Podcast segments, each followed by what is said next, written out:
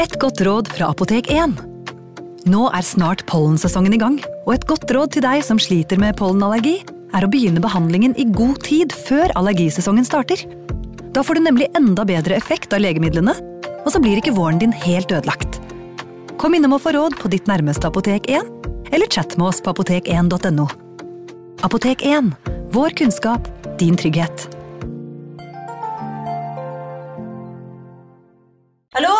Jeg kommer fra Oslo politikammer. Ine Jansen er purk. Er du purk? The motherfucking bitch. Alt jeg vil, er å finne ut hva som skjedde med mannen min. Jon Carew. Er jeg sikta for noe? Iben Akeli. Det er du. Ole So, Lars Berrum og Big Daddy Karsten. Hvem sin side er du på, egentlig? Anette Hoff, Tone Danielsen, Kommer du fra Afrika? Jørnis Josef, Nesten. Kløfta. Trond Espen Seim, Det er synd å si det, men det var feil mann som døde. Purk.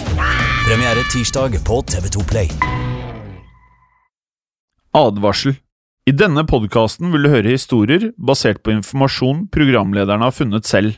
Programlederne står ikke nødvendigvis inne for meninger og syn som fremstilles. Noen påstander kan avvike fra virkeligheten.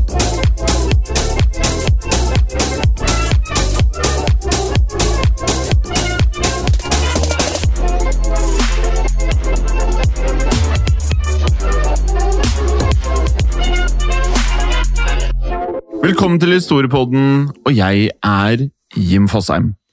Og jeg er Morten Galaasen. I dagens episode, Morten, så mm, ønsker jeg å stille et lite spørsmål. Og det er hva er ditt forhold til bøtter?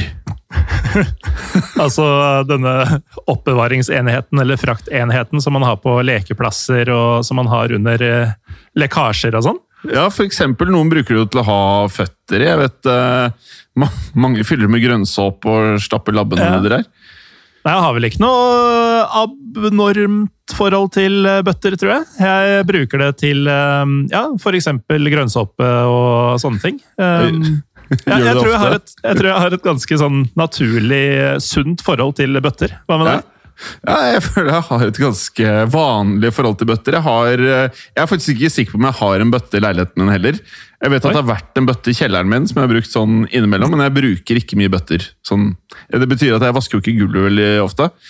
Men eh, jeg har sånn robotstøvsuger som tar vann på gulvet mitt nå, så da er bøtta litt ut hos meg, altså.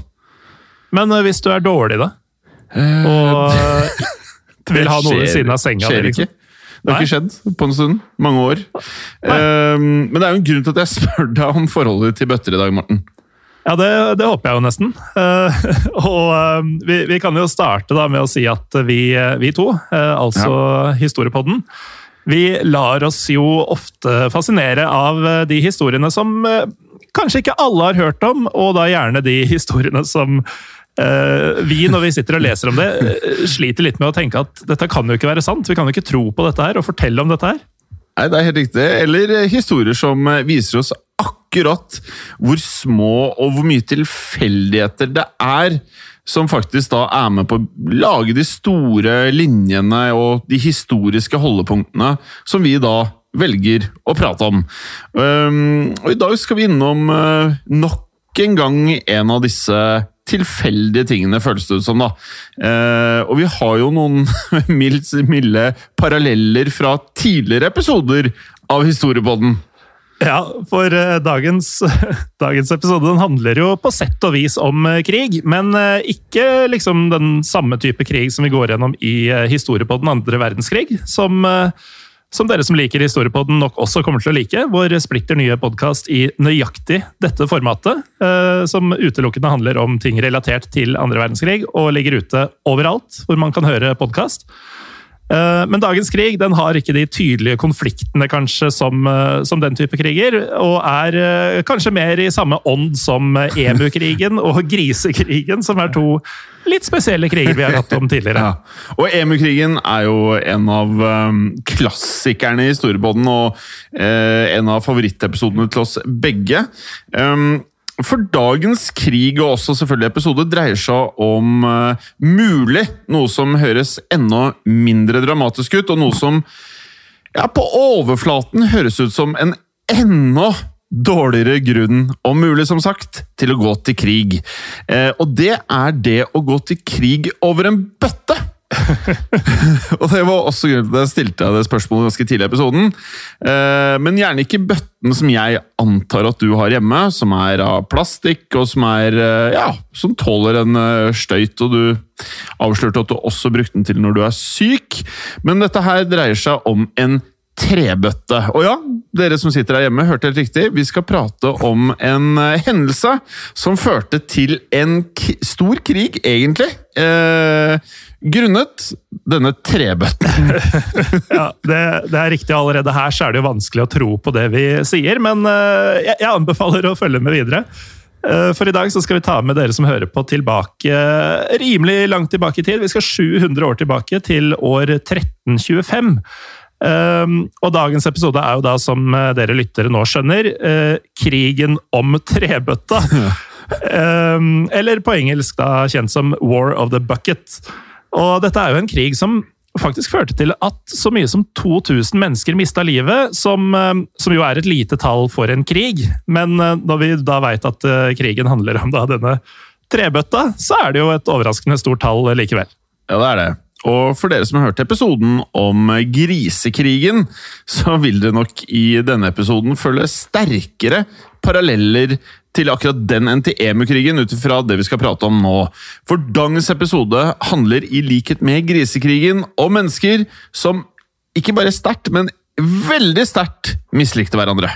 Ja, og da kan vi jo ikke snakke om EMU-krigen i samme åndedrett, siden det Der var det jo ikke mennesker som mislikte hverandre, men mennesker som eh, ikke kom overens med denne strutsefuglen som, som plaga dem. En krig som for øvrig strutsene tilsynelatende vant ganske enkelt. Ja. Og eh, bare sånn før vi forlater emnet emukrigen hjem, så eh, må vi legge til at en nyhet jeg så denne siste uka, det er at det skal lages en film om EMU-krigen. Ja. Og ikke bare det. Um, altså, De komiske legendene uh, John Cleese og Rob Schneider er involvert ikke bare i så vidt jeg har skjønt, regi, men de skal også spille i denne filmen. Så det er jo Ja, det høres riktig ut, syns jeg. Veldig bra casting. for at eh, for å få til en eh, film om EMU-krigen, så må man ha glimt i øyet. og Man må ha evnen til å være litt sarkastisk og benytte seg av en høy grad av selvironi. Ja, og kanskje også en del slapstick, håper jeg. For ja. Um, når mennesker skal gå til krig med en sånn dum struts Ja, for det, da, var, da det var det du... som var det villeste. var at det, det var eh, Det kom jo tydelig frem at det var ikke bare en vanlig fugl, men en mindre smart fugl. Ja, en av, en av, de mindre smarte fuglene som finnes, ja. hvis jeg husker riktig. Som, Men, eh, Soldatene trodde jo da at de var så smarte fordi de ikke klarte å ta dem, og at en av de fuglene faktisk var generalen og lederen ja. til de andre fuglene. Mens den antagelig bare gikk rundt og kakla som en annen fugl. Men uh, i hvert fall til dagens historie, da. Uh, som ikke, Nå har vi nok nevnt emur for siste gang, tror vi. Eh, for dette er jo da krigen om trebøtta, og denne krigen fant sted i Italia. Eh, nærmere bestemt i bystatene Modena og Bologna. Og jeg sa i stad at vi skal til 1325. Vi skal litt, eh, litt lenger tilbake nå først. Vi skal til 11-, 12- og 1300-tallet. Og det som kan være greit å vite, da, er at på denne tiden så var ikke Italia den staten eller et eget land slik som vi kjenner det. Ehm, det som er Italia nå, det var på denne tiden forskjellige bystater. Og da kan vi jo kanskje også si hva en bystat er for noe, Jim? Ja, det kan jeg fortelle, for en bystat var noe som var eh, riktig så vanlig på denne tiden. En bystat var mer som en by slik vi kjenner det i dag, men de var langt mer enerådende og hadde en, eh, ja, en egen suverenitet. Eh, slik at byene, eller bystatene som vi da kaller det i dagens episode, de hadde retten helt til på egen hånd å styre over byen, og også gjerne større områder rundt byene sine, som da inngikk i nettopp deres territorium. Som historien har vist oss, så er det jo gjerne sånn at stammer, byer, større geografiske områder som land og kontinenter blir ofte, enten man vil det eller ikke, eh, uenige om gjerne økonomiske og politiske spørsmål. Og historien har jo også vist oss at eh, nettopp disse uenighetene som omgår økonomiske og politiske spørsmål, ender i konflikter, og i ytterste fall i krig. Ja, det er eh, en god definisjon, eh, Jim. Og akkurat bystatene som vi er opptatt av i dag, eh, Modena og Bologna, de lå rett ved siden av hverandre med ca. fire mil imellom seg. Det er vel sånn ca. Oslo-Drammen, ja. grovt sett. Ja. Um, og disse sto da, altså Modena og Bologna sto over en lengre periode, faktisk over hele 11-, 12- og 1300-tallet, på hver sin side av en, eh, en, større uenighet som utspilte seg over hele regionen som i dag er Italia. Og denne uenigheten førte til en serie med flere slag, som i dag er kjent som eh, The Gulf and Ghibelline Wars. Ja, Eh, som fremkommer tydelig her, så var det i motsetning til en krig av typen annen verdenskrig, som da var på pluss-minus seks år, så var dette mer en konflikt som utspilte seg over hundrevis av år. Og med det så er det jo klart at det kommer til å ulme masse uenigheter som da aldri blir løst. Men sånn helt i korte trekk så var dette en maktkamp mellom den katolske paven og keiseren av det tyske romerske riket. Og De som da støttet paven, de ble kalt for guelfere, og de som støttet keiseren, ble kalt for gibelinere. Og Litt forenklet kan man si at begge disse partene var to tidligere versjoner av politiske partier, som på denne tiden da kjempet om makten i de nordligere delene av det som i dag er kjent som Italia. Og selve maktkampen den handla da om hvem som skulle velge ut lokale representanter for kirken. Eh, altså hvem som skulle velge ut eh, biskoper og abbeder, som da var lederskikkelser for eh, klostrene, f.eks. Eh, og keiseren han ville at slike lokale kirkelige representanter skulle utvelges av de kongelige og aristokratiet i hvert enkelt kongedømme og da bystat. Ja, og Grunnen til at dette var så viktig, handlet altså om kontroll over kirken. Um, og da var det sånn at Aristokratiet de valgte selvsagt ut de kirkelige som var enige med dem, og ville ikke motsette seg aristokratiets ønsker med det. Mens paven derimot, han ville at de lokale kirkelige representanter skulle utpekes av kirken selv. Å opprettholde den katolske kirkens interesser skulle da balansere ut makta til keiseren, mente paven. Så både keiseren så vel som paven anså seg begge som kristendommens ekte ledere. Og som den ekte lederen hadde man også retten til å utpeke kirkens øvrige representanter. Og denne maktkampen varte altså da i flere hundre år. Eh, og her skjønner man nå, kjære lytter, her dukker det snart opp en bøtte midt i det hele. Yes, for det hadde seg nemlig slik at eh, styret i bystaten Modena var gibelinere. Altså at de var på den siden som støtta keiseren. Mens Bologna på sin side var styrt av guelfere, altså på den siden som støtta paven. Og som vi da forstår, så tydeliggjøres konflikten i dagens episode her. For nabostatene, som rent geografisk da eh, bare lå 40 km fra hverandre, Eh, så bidro det til at de sto på hver sin side, og at de var naboer. Eh, disse to tingene eh, kokte jo da sammen til et intenst hat.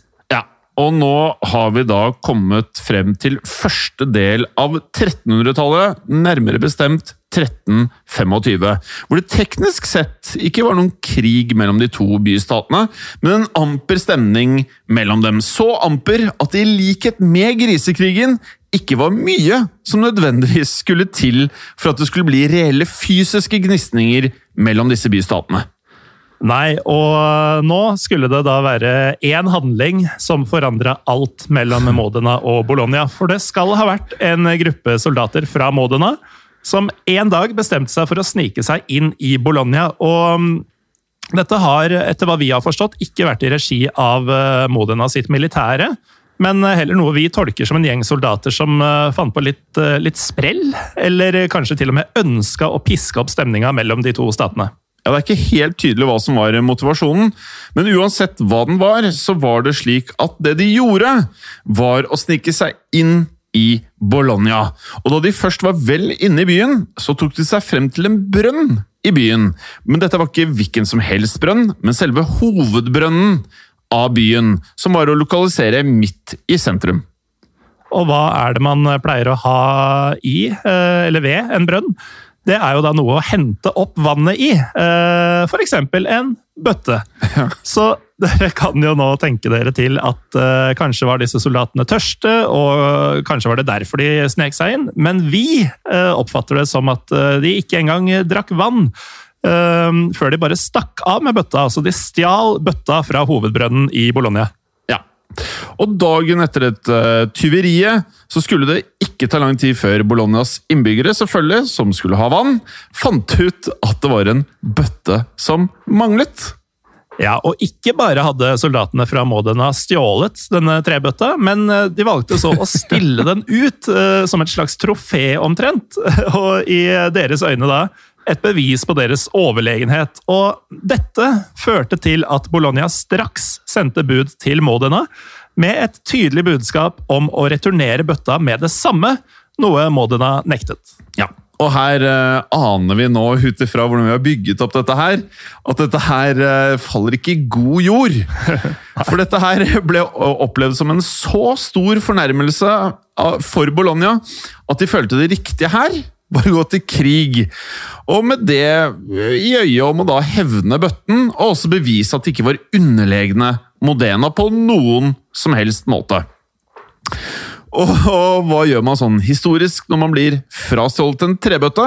Det er mye forskjellig man kan gjøre, selvfølgelig, men akkurat i dette tilfellet så valgte man å ruste opp, holder det fast, 30 000 fotsoldater og 2000 soldater til hest, for så å ta disse 32 000 soldatene og marsjere rett mot Modena. Mens eh, Modena på sin side de hadde jo et langt mindre militære. Eh, de hadde riktignok også 2000 soldater på hesteryggen, men kun 5000, altså en sjettedel eh, av det Bologna kunne skilte med, av fotsoldater. Men det var umulig å trekke seg nå, for det ville jo vært en enorm ydmykelse. Og dermed så rusta også Modena opp alle sine soldater og marsjerte ut for å møte fienden. Vi kan jo igjen da bare minne om her at totalt sett her, så er det da snakk om 39 000 soldater som da skal møtes i feltet for å krige om denne trebøtten. Ja. Og det høres jo ut som man, man, tar litt hardt i, da. At man går litt hardt eh, til verks. ja, det kan det. Men Modena og Bologna de følte tydeligvis at de ikke hadde noe annet valg.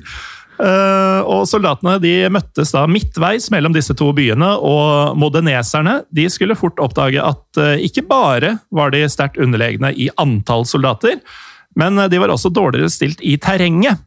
For mens soldatene fra Bologna kom mot dem fra en bakketopp, så var da soldatene fra Modena i en dal. og selv vi forstår at det er en ganske stor forskjell i strategisk posisjonering her.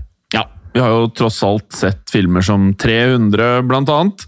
Mm. Eh, og det så jo da veldig mørkt ut, etter hva vi forsto eh, på historien her, for mod modeneserne. Og det er her vi gjerne skulle ønske at vi hadde litt mer detaljer om akkurat hva som skjedde i denne krigen. Og grunnen til at dette her egentlig bare ble en kuriositet og ikke en fullverdig episode, Mm. Eh, fordi det er ikke all den informasjonen som nå eh, på en måte kan fortelle oss hva som faktisk skjedde, som er tilgjengelig. Men det er såpass eh, lenge siden at vi får bare liksom ta det vi har. Ja. Uh, vi skulle jo da gjerne hatt mer detaljer, som du sier, men uh, uansett så uh, skjønner vi, eller vi tror, at noe helt vanvittig må ha skjedd. og om det var at Modena hadde noen helt overlegne krigere på sin side, kanskje noen emuer med seg, for alt vi vet. Eller om de hadde dyktige hærførere. Eh, altså det, det, vet vi ikke, men det vi vet, er at selv om modeneserne var i dette kraftige mindretallet og nedi dalen, altså i et dårligere terreng, så vant de faktisk dette slaget. Og med det så kunne de da jage Bolognas soldater tilbake til hjembyen deres etter kun noen timer med krig. Og det er helt sykt! Altså, det er 7000 mot 32 000! Det er ganske ekstremt. Som kommer fra høyden. ja, altså De er nesten fire ganger så mange. Mm. Um, vi kan jo da legge til en hypotese som vi har kommet over, som eh, ikke er noe mer eh, mind-blowing enn at man antar at det var lederskapet for Bolognas soldater som sviktet, og at det var grunnen mer enn at soldatene til Modena var overlegne. Men uansett, bologneserne de eh, måtte med dette her trekke seg tilbake i en eh, ganske rask maner. Og modeneserne de jagde etter hele veien tilbake til Bologna. Man kan jo tenke seg at dette var en ganske sånn Selv om det ikke er lange distansene her relativt sett, så er det jo fortsatt Tenk deg det å skulle gå fra Oslo til Bergen med rustning, og du har en sånn eh, gjeng med karer etter deg. Men når de først var fremme, så var det ikke sånn at moder moderneserne stoppet der. For da bolognesiske soldater da faktisk forsvant inn bak sine egne bymurer, så fulgte moderneserne etter og brøt seg igjen inn i bystaten. Altså, de, de er greit breiale etter å ha vunnet det slaget der. Så ikke bare klarte disse 7000 soldatene å seire over 32 000 soldater uh, ute i felten her, men de klarte da altså å jage dem tilbake til byen deres, og i tillegg så klarte de å bryte seg inn i bystaten til Bologna igjen. Ja. Men denne gangen så nøyde ikke soldatene fra Modena seg med en trebøtte, for eh, denne gangen så ødela de mye av betydning, og de skal ha ødelagt flere slott, uten at uh, Det er vel ikke helt klart for oss, Jim, hvordan man ødelegger et slott på 1300-tallet? Nei, det er, sikkert, det er sikkert Vi lagde jo i eh, Historie på den andre verdenskrig så lagde vi nå en episode om uh, gale, gale, gale nazister som hadde den derre Valhalla-hallen Mm. i slottet deres, som de ønsket å ødelegge før de allierte tok over slottet. Og det Men var ikke så lett hadde- uten sprengstoff. Nei, og De hadde ikke mer sprengstoff, så de prøvde å brenne det ned. Og selv ikke det holdt til å brenne ned dette slottet. Så det er liksom Hvordan klarte de dette her? Ja, Det veit vi ikke, men de klarte det. Og de, og, de ødela også en sluse fra elva Rino, som var utrolig viktig, ettersom det var ved hjelp av akkurat denne slusa at hele Bologna faktisk fikk vann, bl.a. til denne hovedbrønnen. Og litt ironisk er det jo da at de mista alt vannet inn til byen pga. denne trebøtta som ble stjålet eh, av noen eh, fra en brønn. Der eh, folket faktisk fikk tilgang på dette vannet de nå hadde mista all tilgang til. Det er ganske dårlig resultat. Når du da starter med å bli så irritert over denne trebøtten. Du går til krig med alt du har, og ender med å miste alt! Du får null vann! Jeg hadde kanskje sånn i ettertid det vært lurere å bare lage en ny bøtte. De hadde sikkert flere bøtter. Men uansett så var det da åpenbart at Modena kunne ha valgt å beleire Bologna på dette tidspunktet, men de valgte av en eller annen grunn ikke å gjøre det. Men det de gjorde, i stedet for å beleire byen, så um, De var liksom ikke ferdig med å ydmyke disse her eh, stakkars bologneserne.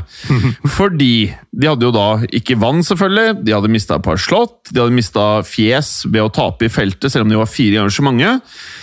Det som nå skjedde og dette her er jo sikkert eh, veldig inn for tiden den gang. Eh, og det var at de utenfor byportene valgte å orkestrere en parade. Og av alle ting så skulle man da ha et stort skuespill i denne paraden. Og dette skuespillet det skulle jo da Det ble ganske improvisert, men det handla jo da selvfølgelig av nettopp det første raidet der de første soldatene hadde stjålet denne trebøtta.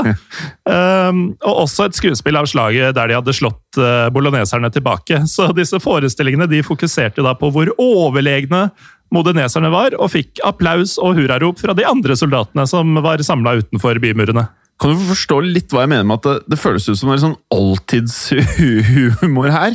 Og Ja, liksom, ganske kan- utdatert humor. Ja, liksom, De hadde jo ikke så mye å gjøre. ikke sant? Det var ikke internett. det var liksom, Måtte kjempe for å overleve. liksom, Jeg kan se for meg at de sto liksom hånlo. At det var det morsomste som hadde skjedd hele året. Med det med bøtten og at det der showet og at de stakkars boloneserne måtte være inne og liksom ta imot alt skuespillet. Ja.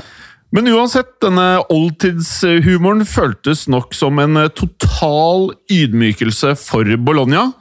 Og etter å ha ledd av erkerivalen deres godt og lenge, så dro soldatene tilbake til Modena. Og etter eh, hva vi har forstått, og det var jo noe vi nevnte i starten også, så skal det være omkring 2000 mennesker som døde i dette slaget, som er forholdsvis mye. Ja, det er jo det. eh, Når vi veit at det bare varte i et par timer, og at det da gjaldt en bøtte. Um, Og det finnes også legender som forteller at rett før modeneserne dro hjem, så stjal de um, altså de modenesiske soldatene enda en trebøtte fra en liten brønn utenfor byen! Bare sånn for å Det er for å liksom sette punktum etter setninga. Men jeg kan egentlig like sånn oldtidshumor, jeg merker jeg. Ja. Det er veldig eh, Det er enkelt. sånn ondsinna enkel humor. Ja, det er veldig enkelt. Og på den måten så skulle man nesten ønske at eh, John Cleese og Schneider lagde en film av dette også. Mhm. Mye slapstick som kan eh, passe. Men nå som, Eh, vi, nå som vi har inntrykk av at uh, Schneider og Cleese henter inspirasjon fra episodene våre, så kan vi jo bare sette oss ned og vente på at uh, den kommer. Ja, den kommer, den. Bare oversette til et annet språk. Vi er veldig gode i engelsk, så det Ja. får vi til. Ja, ja. Uansett, senere, da det ble slutt på striden mellom guelferne og gibelinerne, så som vi da nevnte i starten, så leverte Modena noe av krigsutbyttet de hadde stjålet fra Bologna tilbake. Men eh, de leverte ikke alt krigsutbytte, for de beholdt den originale bøtta som hadde starta hele denne feiden. Og Modena den eksisterer jo fortsatt i dag som en provins og by i Italia, og visstnok så står denne trebøtta i kjelleren av et tårn der, kalt eh, Torre della Gir Girlandina eh, den dag i dag. Ja. Og um, selv om det ikke er helt 100% bekrefta at det er den ekte bøtta, så finnes det en kopi av trebøtta uh, som henger fra taket inne i rådhuset i Modena. Altså, det her, det her er åpenbart noe de har kost seg med i flere hundre år. Det sier seg jo selv. Det er nesten sånn- 700 år med dissing. Og denne ja, absurde krigen og hvordan uh, Modena da vant mot alle odds, er fortsatt uh, byens stolthet, etter hva vi har uh, forstått. Til tross for at uh, det hele brøt ut over en trebøtte. Ja, som på en måte beviser uh, igjen da, hvor langt mennesker kan finne på å gå over uh, trivialiteter. Altså, det er noe med denne med såra stolthet og rivalisering som, uh, som gjør at all bets are off, liksom. Ja, men sånn i etterkant av episoden så hadde det vært gøy å også visst litt mer om hvordan moderneserne da klarte å snu dette slaget. For det er, det er så enorme forskjeller i uh, styrker her. Uh, det det. Men sånn er verdenshistorien, og dette er også litt av grunnen til at vi tradisjonelt ikke har gått så langt tilbake i tid i historiepodden, og at vi nøyer oss med ting som har skjedd de siste to, tre, fire, 500 årene. Men jeg merker jo at man får jo mersmak her. Man, man blir jo gira på dykken i romertiden, og det er jo enda mer simple tanker og filosofier. De lar seg irritere over mindre ting, virker, virker det som noen ganger også. Ja, og, og de lar seg underholde tydeligvis av mindre ting, da. Eh, apropos denne oldtidshumoren. Som eh, er et, um, et uttrykk jeg aldri har hørt før, som jeg tror vi rett og slett coina, som det heter, i denne episoden. Ja, det Men, er eh, coina her. Selv om mye, mye historiske kilder og sånn har gått tapt gjennom årene, så hadde vi i hvert fall nok til å gi dere en kuriositet om eh, det her. Og um, da er det egentlig ikke mer å si enn at vi høres igjen til neste uke. eh, Ja. Da vi kommer tilbake med enda en episode. Ja. I mellomtiden så hadde vi satt utrolig pris på det. Nå er vi bikka 2000 ratinger på iTunes. Endelig! Endelig! Det var faktisk ganske deilig, for vi holdt på en stund der nå rett under 1900. Eh, Gå gjerne inn og rate oss enda mer. Og mm, nå er jo denne podkasten her, så er det jo tre av fire episoder som havner eh, på Podme, så vi ønsker veldig gjerne at dere får et abonnement på Podme og kan høre alle episodene der. Og hvis selv det ikke holder det heller, at du ønsker enda mer episoder, så er det sånn da at vi nå en gang i uken kommer ut med vår splitter nye podkast, som nevnt, som er Historiepodden andre verdenskrig. Vi skriver det Historiepodden WW2. Eh, og det er vel safe å si at det er ganske likt Historiepodden. Bare at, eh, ganske likt. det, er, det er mye eh, før annen verdenskrig, under annen verdenskrig, etter annen verdenskrig. Og når vi sier etter, så er det egentlig ganske relativt, fordi vi skal også prate om romfart. Vi kommer innom kalde krigen. Det er egentlig ganske mye bredere enn hva navnet tilsier. Sånn, egentlig er det nesten vi burde endra navnet, egentlig, men, men foreløpig så er det et bra, bra navn. Ja, det er jo det. Og så er det jo sånn at uh, Du sa at vi har oss om tiden før andre verdenskrig. Altså, Krigen er jo mye mer enn selve krigen. Det er jo grunner til at den starta, og, og etterdønninger av den. Så når du nevner romfart, så er jo det altså Romfartsteknologien som har blitt brukt senere, har jo røtter i uh, forskning som, som foregikk under krigen, og følgelig er det jo da relevant. Ja, blant annet det at du kan reise veldig fort til eh, Georgia for å spise mat i Georgia, Morten, er, jo, er jo grunnet nettopp jetmotoren som kom under annen verdenskrig. Og med det, Morten, Det har skjedd. Og det ja, Kan det skje igjen? Vi sier det. jo, det kan. Det kan skje igjen. Det kan skje. Ha det bra. Ha det. I produksjonen av Historiepodden så ønsker vi å takke Håkon Bråten for lyd og musikk. Takk til Felix Hernes for produksjon. Takk til Ellen Froktenestad for tekst og manus. Og takk til deg, Morten Galesen, for programlederrolle. Og takk til deg, Jim Fosheim, for programlederrolle. Moderne media. Har du et enkeltpersonforetak eller en liten bedrift? Da er du sikkert lei av å høre meg snakke om hvor enkelt det er med kvitteringer og bilag i fiken, så vi eh, gir oss her, vi. Fordi vi liker enkelt. Fiken superenkelt regnskap. Hei, og takk for at du lytter til Historiepodden. Skulle du ønske at du kunne høre en ny episode av Historiepodden hver eneste uke? Vel, da er det én ting å gjøre. Da kan du laste ned podkastappen Untold med det samme. For i tillegg til ukentlige episoder av podkaster som Historiepodden andre verdenskrig, Henrettelsespodden og også Gangsterpodden, så får du masse annet reklamefritt og også eksklusivt innhold. Last ned Untold i AppStore eller Google Play og start din 30 dagers gratis prøveperiode allerede i dag.